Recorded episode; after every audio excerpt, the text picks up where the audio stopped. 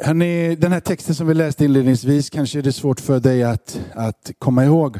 Allting som, vi, allting som jag läste här ifrån, ehm, ifrån Jesaja. Men i grunden för det som jag läste eh, är ungefär så här att ett barn blir oss fött och på hans axlar så vilar eh, herradömet. Han som eh, blir oss född, han är underbar, han är rådgivare, han är mäktig Gud, evig fader och frids första. Det här underbar, under rådgivare, underbar i råd, all vetande härskare. Om du eh, försöker hitta i grundtexten vad är det här och vad står den allvetande härskare för? Så eh, läste jag vid något tillfälle så här. Förunderlig förmåga att regera genom goda och visa beslut. Denna Messias, ett barn, blir oss fött kunna med förunderlig förmåga, han som vet allt, han som förstår sin skapelse, han som vet slutet ända från början. Han har en förmåga att i allting rakt igenom vara rättvis och rättfärdig och god i alla sina beslut.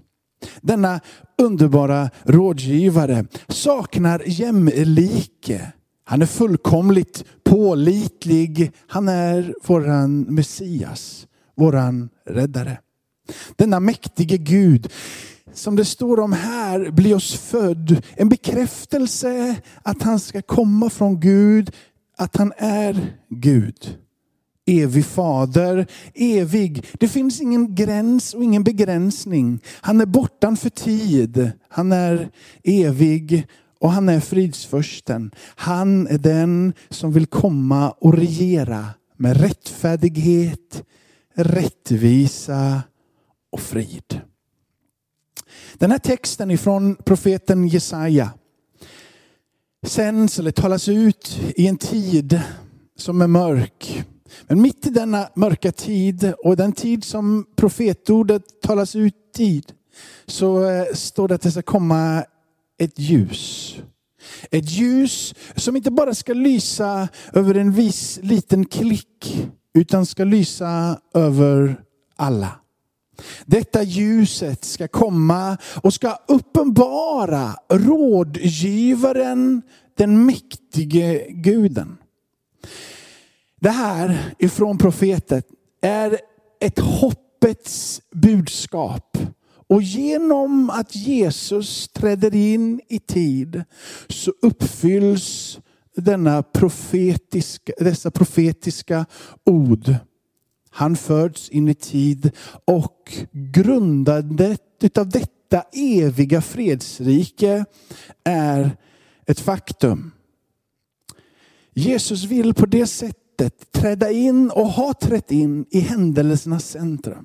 Han blir centrum för så otroligt mycket när han stiger in i tiden. Bara tänk på kalendern som vi använder, som vi följer, som har mycket av de kristna högtidernas centrum för helgdagar i vårt land då vi är lediga.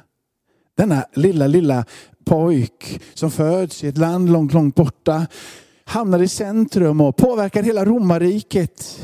Innan de första 300 åren har gått så säger de att en på åtta i hela romarriket var frälst. Kanske möjligen genom påtryckningar, men det har varit förföljelse. Så vi vet att det var nog ingen enkel match.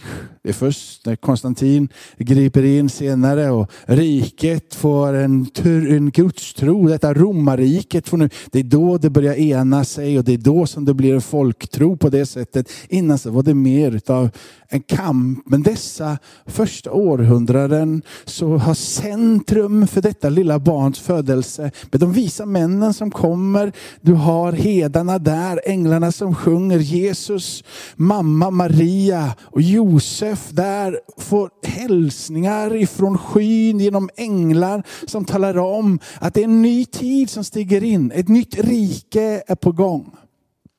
När Jesus får vara i centrum så är det mycket som aldrig igen blir sig likt.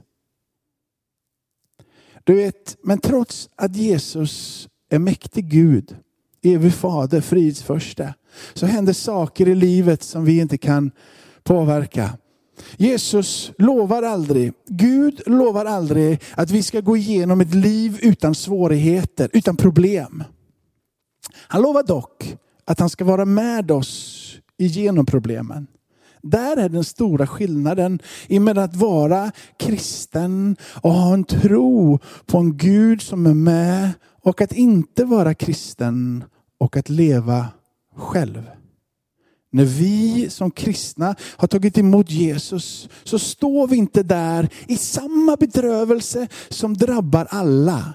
Sjukdom, pengabrist, problem i relationer, trångmål på alla möjliga olika sätt. Så har vi på insidan hoppet om en Gud som går med oss. Han lämnar oss aldrig. Problem möter alla människor. Men det stora löftet är att denna mästare, han som har blivit våran frälsare, Messias. Han är vid våran sida. Han är med oss. Förundliga texter som talar om att han kan få bo i våra hjärtan. Och att vi på vår insida kan få uppleva en innerlig trygghet genom att ha denna konung i våra hjärtan mitt i en orolig och bekymrande, till och med ibland kaosartad värld. Du vet om en båt är ute på havet så är det så här att så länge som den här båten, vare sig det är så långt bort till land så du inte ser land, åt något håll som du tittar, så är det ändå så här att så länge som inte det här vattnet kommer in i båten så är det inget problem för båten att bäras av detta väldiga, gigantiska hav. Problemet blir ju när vattnet börjar komma in i båten. Om det kommer in tillräckligt mycket vatten i båten så kommer båten att sjunka. När du och jag står i en värld som vi inte begriper oss på, situationer och problem som vi inte kan omfatta. När omständigheterna, om du och jag fick vara den här båten, om omständigheterna är så stora så det är som en stor ocean. Men så länge som dessa ocean av bekymmer inte får komma oss innanför skinnet. Utan vi kan ha en blickfäst på han som kan hjälpa oss igenom. Så klarar vi, precis som båten, att klara av trycket ifrån utsidan. Jesus, han kommer och säger, jag vill vara din herde. Jag vill vara vid din sida. Jag vill vårda dig, jag vill vaka över dig. Jag vill ge dig maten du behöver. Jag vill föra dig till en plats där du kan få vila tryggt. När Paulus får uppleva det här på vägen till Damaskus och han blir född på nytt. För det är det som är skillnaden att vara kristen rent intellektuellt. Eller vara kristen utifrån att hjärtats förvandlande liv det är det Bibeln pratar om, att bli född på nytt. Det är någonting på insidan som inte kan förklaras. Man använder sitt huvud så gott man kan, men vissa saker det går inte att förklaras. Men på insidan så brinner hjärtat och Jesus blir levande. När Paulus beskriver de här sakerna i sina brev så är det häpnadsväckande om man vågar läsa med öppna ögon. Han till och med i Filipperbrevet säger så här att, vet ni det? Att Gud vill att ni ska komma med allt till honom. Ni ska komma med era bekymmer. Ni ska komma med alla era önskningar till honom. Och när han säger de här orden så säger han, och när ni gör det, när ni kommer med allting, med de här bekymren och önskningar honom, och ni gör det genom att ni åkallar honom, ber till honom med tacksägelse, så pratar han om att det ska kunna komma en frid på din insida som övergår allt förstånd. Helt obegripligt. Är det, säger Paulus verkligen att vad än omständigheterna är runt omkring er, hur det än stormar, vad som än sker på detta ocean utav vatten och hav och det stormar runt omkring och du är den där lilla, lilla båten, att det kan få finnas en frid på din insida där dessa omständigheter inte dränker dig och kväver dig. Det är det Paulus säger. Han säger att han som är fridsfursten vill komma och vara herre och konung i ditt och mitt liv och ge oss insidans trygga vrå. Att på insidan känna frid mitt i denna jättestorm. Det här är löftet som kommer med detta lilla Jesusbarn. Man kan ju försöka på alla möjliga sätt att ta att det inte finns en Gud och, om Gud tvungen att göra på det här sättet. Men om du går till mig och många med mig, vårt möte med Jesus har gjort någonting på våran insida där vi känner att vi är förankrade i han som ger den här friden. Berättelsen om Jesus, evangelierna är oerhört, skulle man kunna säga nästan förskräckliga om de inte är sanna häpnadsväckande, jag skulle nästan vilja säga förtrollande om de inte vore sanna. Jesus som sover i en båt tillsammans med lärjungarna och helt plötsligt så börjar det blåsa upp till storm och lärjungarna blir vettskrämda och säger hjälp oss, hjälp oss, du sover, vakna, hjälp oss. Jesus vaknar, han tittar ut och så befaller han, stående vinden att mojna. Var stilla och det blir lugn. Det är en skräckfylld berättelse. Nästan trollbindande. Om det inte vore för att den är sann. Om den nu är sann så borde den väcka din och min uppmärksamhet och föra dig och mig till han som är trons upphovsman och fullkomnare. Han som blev född. Jesus. Du kan få uppleva Guds frid på din insida. Det är oerhört enkelt. Det är inte komplicerat. Du behöver inte läsa någon bok. Det är det här som förbryllar alla i alla tider. Behöver man inte kunna någonting för att bli frälst? Behöver man inte göra någonting för att bli frälst? Borde jag inte bättra mig och känna mig värdefull? Nej, det är inte så som han äntrar in.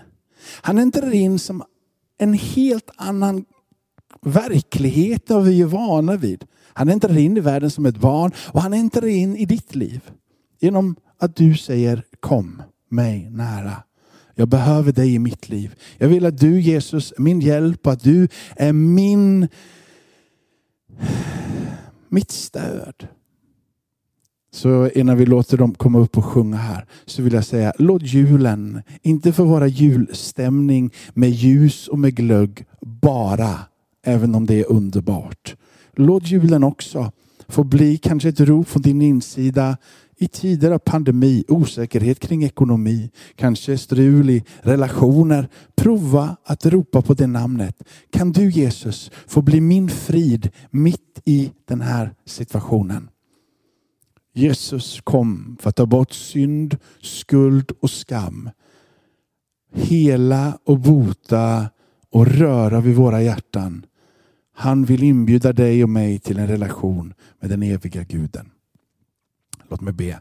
Jag ber Fader i himmelen, Herre, att de som har lyssnat på det här, att det inte skulle vara mina övertygande ord om vad du har gjort i mitt liv, utan att du själv skulle röra vid hjärtan. Att du skulle öppna sinnen. Att det skulle födas en längtan efter vem du är. Och så ber jag för alla de som inte har hört det här budskapet. Som är där och inte vet var de ska ta vägen. Kanske ligger i sin säng eller går en promenad. Att de skulle våga ropa på det namnet som är över alla andra namn. Att de skulle våga säga Jesus kom in i mitt liv. Ber Herre för alla de som finns runt omkring i Göteborg som lyssnar eller här i Sverige. Att de som hör det här eller inte hör det här skulle få uppleva och förstå vem du är under den här julen. Amen.